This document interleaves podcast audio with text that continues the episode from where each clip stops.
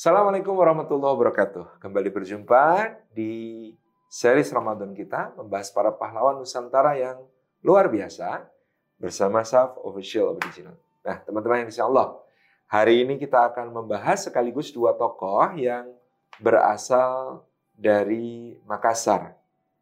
Keduanya hidup sezaman, tetapi tentu memiliki lapangan perjuangannya masing-masing. Yang pertama adalah seorang sultan. Beliau adalah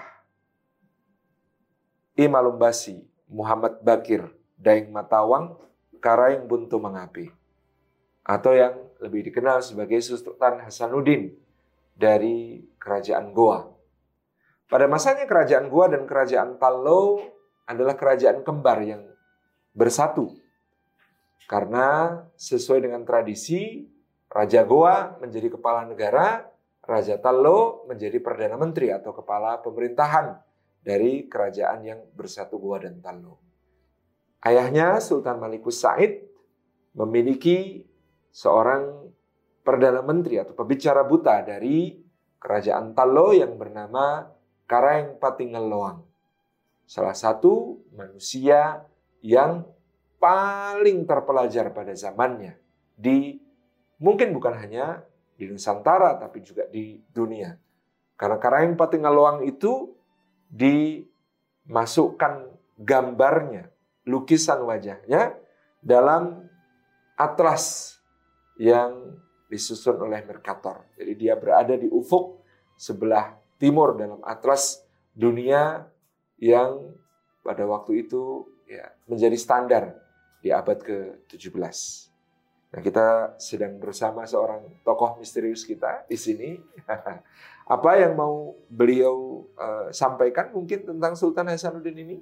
Baik Ustaz, uh, mungkin ada pertanyaan tentang julukan beliau Ustaz. Kan hmm. kalau tidak salah beliau disebut sebagai ayam jantan dari timur. Dan Hanses Fathat Ost Van Het. Nah, nah itu, itu. Tadi mau nyebut Belanda. Itu. Saya mau nyebut itu lupa tadi. Hanses Van Het Osten, iya. Kira-kira apa yang jadi penyebab uh, sampai Belanda menyematkan panggilan itu kepada Sultan Hasanuddin? Karena keberaniannya Sanudin ini dianggap sebagai tokoh pemberani yang menentang hegemoni VOC ketika itu yang semakin kuat di perairan jalur perdagangan rempah-rempah di Indonesia Timur. Tidak banyak raja-raja penguasa yang pada zamannya berani menentang hegemoni VOC yang telah memiliki tentara yang sangat kuat dan armada perang yang hilir mudik di perairan jalur perdagangan rempah-rempah. Terutama ketika itu dipimpin oleh Cornelis Johnson Spellman. Cornelis Johnson Spellman ini seorang laksamana VOC yang paling ditakuti oleh para penguasa pelabuhan-pelabuhan di Nusantara ketika itu karena dia memiliki armada perang yang kuat dan dia berada di zaman kejayaan VOC ketika VOC sedang kaya-kayanya sehingga mampu membiayai ekspedisi-ekspedisi militer yang kuat ke berbagai wilayah Nusantara. Nah, Hasanuddin konon ketika diberitahu tentang kekuatan armada laut Cornelis Johnson Spellman ya yang e, membawai begitu besar kapal-kapal dan memiliki senjata-senjata yang kuat mengatakan apa yang kita takuti dari musuh selama kita ya, bernaung di bawah perlindungan Allah Subhanahu wa taala. Maka keberaniannya untuk menentang VOC inilah yang menyebabkan dia digelari The Hanses van Het Osten. Beliau ini adalah Sultan Goa ke-16 ya. Dan uh, beliau ini tadi karena di bawah bimbingan dari pembicara buta yang sekaligus juga mertuanya. Jadi Eh, Karang Patingan Loang ini adalah mertuanya Sultan Hasanuddin. Di mana Karang Patingan Loang pada zamannya itu ya dengan kehausannya akan ilmu yang luar biasa itu memesan teleskop ke Eropa, memesan peta-peta dan atlas, memesan globe raksasa, hmm. ya kemudian dia juga belajar berbagai bahasa. Konon Karang Patinggalawang itu selain fasih bahasa Makassar, bahasa Bugis, bahasa Melayu, bahasa Portugis, bahasa Arab, bahasa Belanda, bahasa Inggris. Memang orang pintar ya tadi. Polyglot ya, memang dia bicara banyak bahasa dan kemudian karena dia bicara banyak bahasa dia mengorder banyak buku dalam berbagai bahasa untuk kemudian dipelajari. Sampai-sampai karena membaca Al-Quran dan penasaran seperti apa unta, dia itu impor unta. Oh. dari Arabia didatangkan ke Makassar gitu ya. Kemudian apa yang pengen diketahui pokoknya itu didatangkan ke Makassar pada itu mungkin saat salah satu onta tertua yang pernah masuk Indonesia Tete. Pastinya begitu karena itu uh, mungkin sebelumnya tidak ada yang hmm. kepikiran untuk membawa unta, tapi karena dia baca di Al-Qur'an bahwa apakah kamu tidak memperhatikan unta bagaimana dia diciptakan? Loh, bagaimana saya bisa memperhatikan unta bagaimana diciptakan kalau di sini nggak ada unta kan. Jadi makanya kemudian ditatangkanlah unta ke Makassar ini. Ini adalah uh, perdana menteri pada awalnya sekaligus adalah juga mertua dari Sultan Hasanuddin. Jadi dia berada dalam sebuah uh, lingkungan yang sangat terpelajar ya. Dan uh, Muhammad Bakir, putra Malikus Said, nama kecilnya ini adalah seorang yang tekun belajar agama. Dia menjadi murid dari Said Jalaluddin bin Ahmad Bafaqih al-Aidid. Ini adalah seorang kadhi Malikul Adil atau hakim agung di kerajaan Guatallo yang pada saat itu sekaligus menjadi guru juga dari tokoh kedua yang akan kita bahas hari ini. Syekh Yusuf. Yusuf. Tajul Khalwati Al-Makassari Tuan Tuanta Salamaka Rigowan. Gitu ya. Itu. Ulama besar yang luar biasa juga. Nah, Hasanuddin ini ya mewarisi sebuah kerajaan yang kuat, ya, Lo, tetapi juga mewarisi sebuah dendam. Pada masa pemerintahan sultan-sultan sebelumnya, ya, termasuk di sini ada Andil Karaing Patingaloang. Hmm.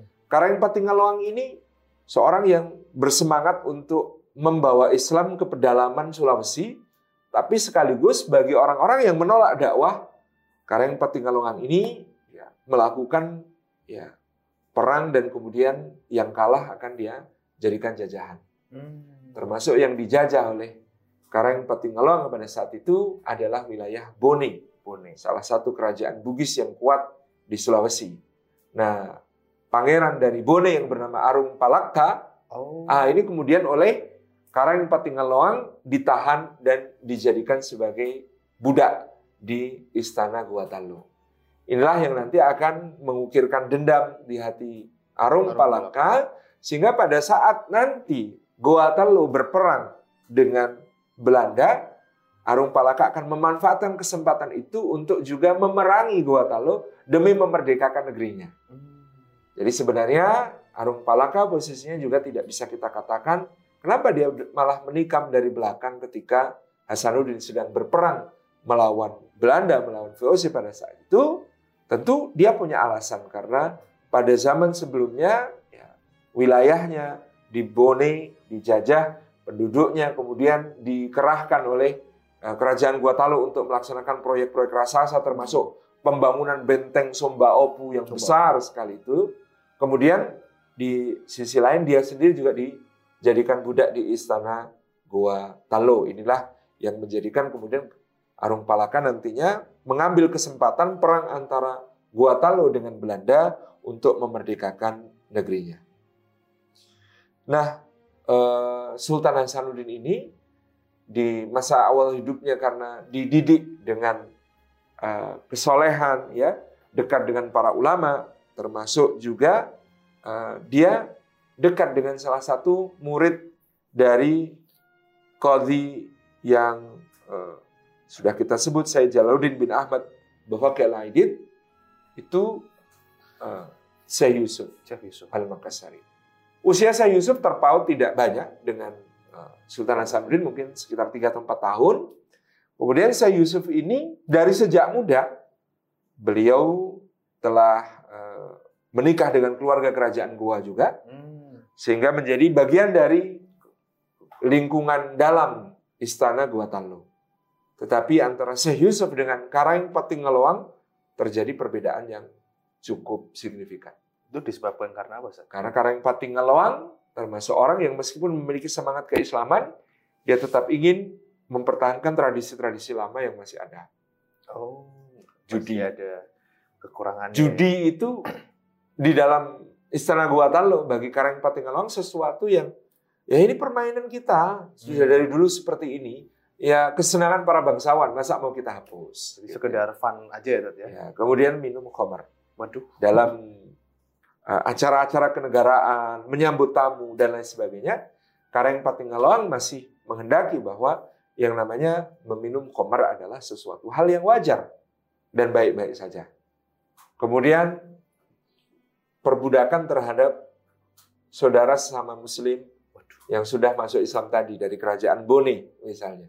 Karena dianggap bagian dari jajahan ya. Karena perang dan kemudian kalah, terjajah, maka ya bagaimana? Hukum adatnya dari dulu begitu, kalah perang harus ikut pada yang menang. Ya. Sementara Syekh Yusuf menuntut kalau mereka sudah masuk Islam, bebaskan. Kalau mereka sudah menganut Islam, bebaskan. Jangan sampai mereka kemudian ya merasa terperbudak padahal mereka adalah saudara sama muslim. Kata Karen Patingelong, jadi kenapa kemarin kita perang? Kalau kemudian kita tidak bisa mengambil keuntungan setelah kita menang. Dan mereka tenaganya dibutuhkan untuk membangun proyek-proyek raksasanya Talo. Seperti Benteng Sumbaopu, Pelabuhan Ujung Pandang, dan lain sebagainya. Yang itu adalah bagian dari pembangunan negara. Ya, waktu itu untuk memakmurkan negara. Itu termasuk yang terjadi di Arung Palaka juga ya. Nah, Arung Palaka itu Bagian sampai bagian dari itu ikut kerja paksa, bangun benteng macam-macam padahal dia seorang pangeran ya dari Bone ini. Jadi memang pada waktu itu ada ya, gesekan antara kaum ulama yang dipimpin oleh Syekh Yusuf Al-Makassari dengan eh, bangsawan pengatur pemerintahan di Gua Talo yang dipimpin oleh Kareng Patingelong. Jadi ya posisinya eh, waktu itu yang memang memegang pemerintahan ini adalah pembicara buta atau perdana menteri yang dijabat oleh raja-raja Talo. Sementara Raja Goa itu simbol negara, pemimpin negara. Sehingga Hmm. Hasanuddin pada saat itu apalagi dia masih sangat muda, tentu tidak banyak bisa mengintervensi kebijakan-kebijakan kerajaan yang dipegang oleh Karaing Patingelong. Nah, kemudian eh, pada masa kecilnya Hasanuddin ini belajar di Masjid Bonto Allah. Dia menghadiri berbagai pertemuan penting dan menghadiri peperangan-peperangan yang kemudian dipimpin oleh ayahnya. Pada usia 21 tahun, Sultan Hasanuddin ini diamanatkan menjabat urusan pertahanan Goa. Kemudian pada usia sekitar 22 atau 24 tahun, dia sudah diangkat menjadi sultan. Nah,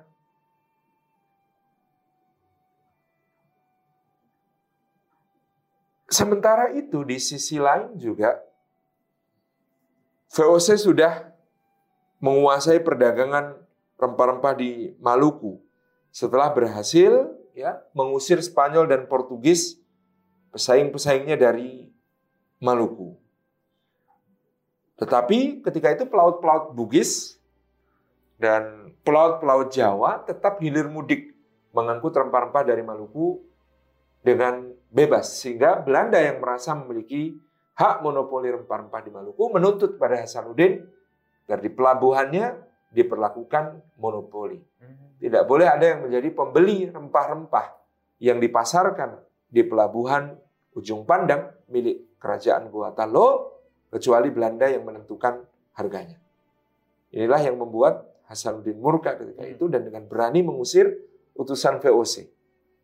Padahal ketika itu Cornelius Johnson Spellman telah menyiapkan armada perang yang besar untuk menghukum raja-raja yang tidak mau tunduk kepada aturan monopoli VOC. Jadi memang eh, Sultan Hasanuddin ini sejak kecil juga diajarkan oleh Malikus Malikus Salih sebagai pedagang yang baik juga ya Tat ya. Nah, beliau seorang anu eh, pedagang yang baik dan selalu mengatakan perdagangan itu antarodin. Hmm. Dalam Al-Quran perdagangan itu antarodin harus saling ridho. Di sini prinsip yang tidak bisa ditawar. Karena saya berdagang sesuai dengan aturan Quran. Mantap. Jadi yang namanya dagang itu harus saling ridho. Nggak boleh ada yang maksa. Beliau mengatakan, "Ya, kita berniaga ya berniaga. Saya juga seorang pedagang. Beliau juga seorang yang eh, menjalankan usaha perdagangan yang sangat maju. Gitu ya. Yang soleh. Marilah berniaga bersama-sama, marilah kita adu harga untuk mendapatkan yang terbaik, marilah kita saling menguntungkan satu sama lain. Itu prinsipnya Prinsipnya ya. Hasanuddin pada saat itu. Jadi tidak ada urusannya dengan monopoli-monopoli. Maka melihat besarnya keuntungan yang diperoleh dari perdagangan rempah-rempah pada saat itu, VOC terus menekan ya, Talo untuk memaksakan hak monopolinya, tetapi Hasanuddin pokoknya menolak. Karena ini bukan hanya soal untung tidak untung.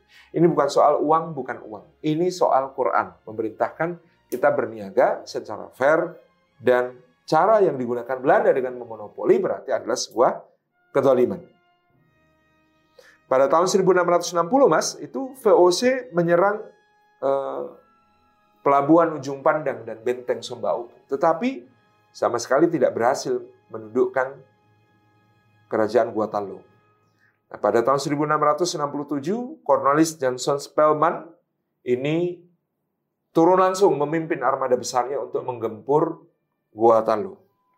Pertempurannya berlangsung di mana-mana sehingga Kesultanan Goa terdesak. Ditambah tadi, ada Arung Palaka yang kemudian berjuang untuk membebaskan negerinya dari kekuasaan Goa, itu kemudian menikam dari belakang. Sehingga kerajaan Guatalo mengalami kekalahan besar pada perang 1667 sehingga Hasanuddin terpaksa menandatangani sebuah perjanjian di uh, Bungaya ya pada 18 November 1667. Ini uh, sebuah kekalahan besar bagi kerajaan Guatalu pada saat itu. Nah, perjanjian Bungaya ini ternyata nggak bikin Hasanuddin kapok. Bagi dia perjanjian ini dipaksakan ya, ya, dan perjanjian ini zalim. Hmm. Memaksakan kehendak monopoli Belanda di pelabuhan-pelabuhan yang dikuasai oleh Guayatalo. Maka pada tahun 1669 pertempuran kembali pecah antara Guatalo melawan Belanda. Lagi-lagi Cornelis Johnson Spellman kemudian membawa pasukannya untuk menggempur ya kekuasaan di uh, Guatalo dan bahkan berhasil menguasai benteng terkuat kerajaan Goa yaitu benteng Somba, Somba Opu pada 24 Juni 1669. Nah, kondisi kesehatan Sultan Hasanuddin juga tidak bagus pada saat itu.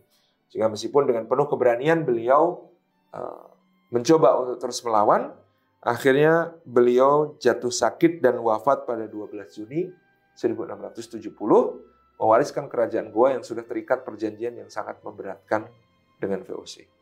Ada salah seorang putranya, seorang panglima angkatan laut kerajaan Goa yang sejak perjanjian bunga yang ditandatangani pun hmm. putranya mengatakan, rajanya boleh menyerah, tapi kami rakyat Goa tetap akan terus melawan. Sehingga selama bertahun-tahun Karang Galesong memimpin kapal-kapal yang dipimpinnya itu, armada laut kerajaan Guatalo yang dipimpinnya itu, mengacaukan perdagangan Belanda di seluruh wilayah perairan antara utara Jawa sampai ke perairan Maluku. Kalau ada kapal Belanda, tabrak. Ada kapal Belanda, serang. Ada iring-iringan kapal dagang Belanda, hancurkan, dan sebagainya. Itu yang dilakukan oleh Kareng Galesong, putra dari Sultan Hasanuddin. Nantinya Kareng Galesong ketika di Jawa ada seorang pangeran Madura bergerak untuk ya menyerang Mataram kemudian harus berhadapan dengan VOC, namanya Pangeran Trunojoyo yang berhasil menghancurkan keraton Mataram di Pleret pada tahun 1677. Nah, maka Karen Galesong bergabung dengan Pangeran Trunojoyo. Jadi ini petualang dari Buatalo yang kemudian pokoknya mana ada yang uh, ngelawan VOC saya bantu. Pokoknya siapa pun yang sedang perang sama VOC saya siap bantu itu. Sehingga Karen Galesong ini malah wafat dan dimakamkannya di Malang. Oh justru di, di Malang itu? Ya waktu itu markasnya Pangeran Trunojoyo ada di daerah sekitar Singosari Malang. Maka kemudian ya Karang Galesong ikut di situ dan kemudian sakit dan wafat di situ. Itu orang Makassar kalau sudah merantau nggak kaleng-kaleng ya tuh. Ya? Apalagi yang Luar kita biasa. mau sebut yang kedua ini. Wah, ini namanya Syekh Yusuf. Ya, ini bahkan Allah. seorang ulama ya Tad ya. Seorang Betul. ulama dan jiwa travelingnya luar biasa ya Sat. Iya. Jadi itu kalau kita anak muda sekarang harusnya inspirasinya ke beliau beliau ini Ustaz. Betul. Beliau ini lahirnya di uh, Makassar ya. Beliau digelari Syekh Yusuf Abdul Mahasin Tajul Khalwati Al-Makassari Al-Bantani. Masya Allah. Kemudian beliau ini disebut Tuanta Salamakari Goa. Ya, disebut sang juru selamat dari Goa. Karena sebenarnya Kalau saja Goa Talo di masa Karang Patingaloang mendengarkan nasihat-nasihat dari Syekh Yusuf, diperkirakan Makassar akan bertahan ketika melawan VOC. Emang yang diabaikan apa waktu itu? Tentang perbudakan Bugis, Oh iya betul. tentang penguasaan Bone, Karena tadinya eh, ngikut sarannya Karang Tangiolang tadi. Patingaloang. Eh Patingiolang. Jadi waktu itu kan debat sengit antara Karang Patingaloang dengan Syekh Yusuf. Betul. Kalau saja waktu itu mengikuti nasihat Syekh Yusuf, mungkin Arung Palaka nggak akan menikam dari belakang dan nggak akan Justru malah jadi sekutu ya Tat ya. mungkin malah menjadi sekutu dan kemudian akan bisa mengalahkan VOC bersama-sama pada saat itu. Di sisi lain, nasihat-nasihat tentang berbagai kemaksiatan yang masih dipelihara. Oh iya betul. Nah, itu penting sekali sebenarnya untuk didengarkan. Jadi, ketika meninggalkan Goa karena Karang Patingaloang bersikukuh untuk mempertahankan adat-adat yang melanggar syariat itu, eh, Syekh Yusuf itu sudah mengatakan, dari apa yang Pak Bicara Buta sampaikan, Tuanku Perdana Menteri sampaikan, saya sudah melihat bayang-bayang kehancuran Gua Talo. Ini pen- penglihatannya ulama ya. Wah, luar biasa gitu ya. Iya. Jadi, waktu itu Syekh Yusuf sudah memperingatkan, kalau mau diterus-teruskan yang seperti ini, dan Anda berusaha melawan musuh yang Anda tidak tahu kekuatannya. Bayang-bayang kehancuran Goa sudah ada di hadapan mata saya pada saat itu. Dan betul Nah, terjadi. Syekh Yusuf eh, kemudian meninggalkan Gua Talu pada saat kemudian eh, nasihat-nasihatnya tidak lagi diperhatikan. Beliau ini pada waktu lahir eh, namanya Abadin Tadia Cusup. Pak. Cusup, ya orang Makassar waktu itu kalau Yusuf Cusup. Itu semua. Cusup, ya, ada Pak Cusup Kal. gitu ya. Oh, Abadin Tadia Yusuf atau Muhammad Yusuf. Ini nama ini diberikan oleh Sultan Alauddin penguasa Gua Talo, Sultan Raja Islam pertama ya? pertama. Ya. Sultan Islam pertama. Sebelumnya ada raja-raja oh. yang belum beragama Islam. Beliau Sultan Alauddin ini bertahta sejak 1593 sampai 1639. Lama sekali. Iya. Dan inilah yang kemudian pada waktu itu di apa namanya? dikirimi hadiah-hadiah oleh Sultan Agung dari Mataram Oh. dikirim tukang tatah emas. Sampai kemudian tatah emas standar Sultan Agungan ini menjadi standar tatah emas di Sulawesi. Oh, menarik ya. Jadi Sultan Agung itu memang ya mungkin mau nyombong ya dalam tanda kutip. Nih saya kirim tukang tatah emas, tukangmu nggak bisa kan bikin kayak begini. Tapi Jadi- jadi, standar tinggi ya, ya? Standar tinggi. Sultan Agung mengirim tukang tatah emasnya bukan cuma ke Makassar tapi ke, Ke Palembang ya. Palembang, sampai ke Jambi dan sebagainya. Sampai ke Indra Indrapura. Eh, kok Indrapura? Indragiri, kerajaan Indragiri. Di kerajaan Di Riau. Indragiri di Riau itu juga mendapatkan kiriman Sultan Agung. Ya, soal-soal memang eh, hegemoni kebudayaan Jawa gitu ya Sultan Agung pada masa itu untuk menjadi sebuah standar penting bagi berbagai kerajinan di berbagai masa. Nah, pada saat itu ya Sultan Alauddin ini ketika memerintah itu luar biasa.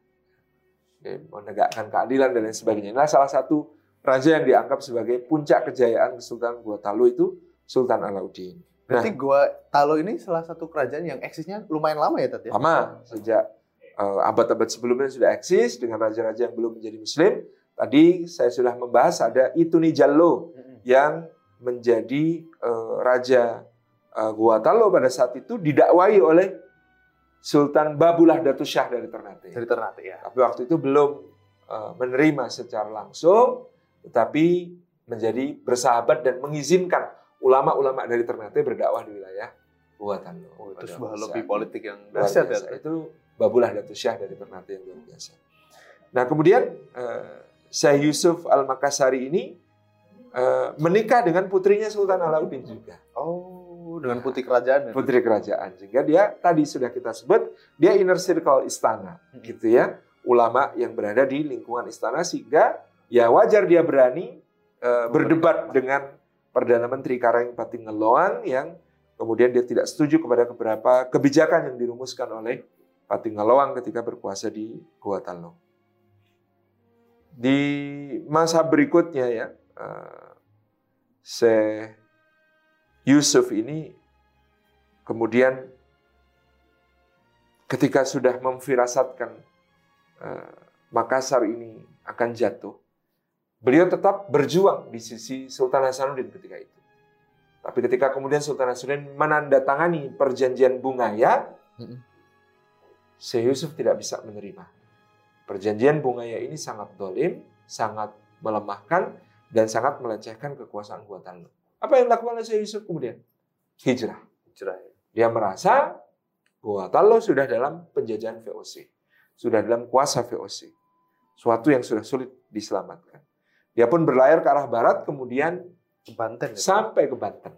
Nah, di Banten dia bersahabat dengan Pangeran Surya yang kemudian akan bergelar sebagai Sultan Abdul Fat Abdul Fattah yang dikenal sebagai Sultan Ageng Tirtayasa. Oh. Karena dia bikin istana di Tirtayasa, maka disebut Sultan Ageng Tirtayasa. Jadi bikin istana baru, maka disebut sebagai Sultan Ageng Tirtayasa. Nah, oleh Sultan Ageng Tirtayasa, Syekh Yusuf diangkat sebagai mufti kerajaan. oh kalau dari di di Gua Talo nggak sempat jadi mufti tadi. Di Goa Talo dia keluarga kerajaan, Hmm. tetapi nasihat-nasihat keagamaannya tadi agak mentah ketika ketemu dengan perdana menteri yang sangat kuat bernama Karang Patingalawang. Ketika sampai di Banten, ya Sultan Abdul Fat Abdul Fattah yang sudah mendengar kiprah Syekh Yusuf sejak mulanya, kemudian menjadikan Syekh Yusuf sebagai uh, mufti Mufti. kerajaan yang pada saat itu. Kemudian uh, di Banten, ya Syekh Yusuf menyaksikan keruntuhan Banten juga. Gitu. Oh. Jadi Sultan Ageng Tirtayasa ini kemudian melawan VOC pada saat itu dan dalam peperangan dengan VOC ternyata VOC mengadunya dengan putranya sendiri yang kemudian disebut sebagai Sultan Haji atau Sultan Abdul Kahar yang kemudian mengkhianati ayahnya dan terjadi perang antara ayah dengan anak dan Sultan Ageng Tirtayasa pun kalah dan ditangkap. Runtuhnya Banten menjadikan Syekh Yusuf kemudian tidak lagi memiliki pelindung di Banten. Maka beliau berlayar menuju ke Aceh. Oh, sampai ke Aceh tuh. Ya. Ketika tiba di Aceh, maka beliau berguru kepada Syekh Nuruddin Ar-Raniri. Oh.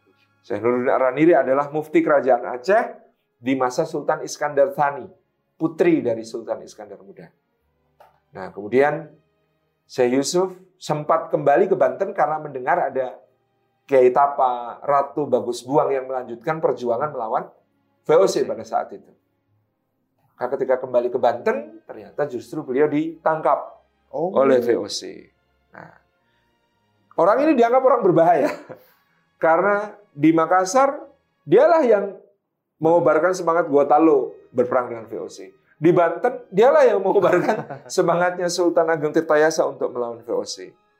Nah, ini orang ini harus ditangkap. Maka kemudian VOC pun menangkapnya dan membuangnya ke Sri Lanka. Oh, ke Thailand. Nah, memang waktu itu Sri Lanka wilayah kekuasaan Belanda juga. Dan akan banyak sekali tokoh-tokoh dari Nusantara yang kalau mereka memberontak kemudian tertangkap itu dibuang sama Belanda ke Sri Lanka. Hmm. Contoh misalnya yang dibuang ke Sri Lanka itu Susunan Amangkurat III, Raja Mataram yang kemudian dibuang ke Sri Lanka. Nanti juga ada Pangeran Aryo Mangkunegoro, ayahanda dari Raden Mas Said Pangeran Sambernyowo, putra Amangkurat IV, itu juga dibuangnya ke Sri Lanka. Itu yang dibuang di sana kayak orang-orang soleh ya? Orang-orang soleh karena kalau Pangeran Aryo Mangkunegoro itu bahkan waktu itu ya karena keluarga kerajaan Mataram meminta agar Pangeran Arya Mangkunegara jenazahnya dikembalikan setelah 13 tahun meninggal.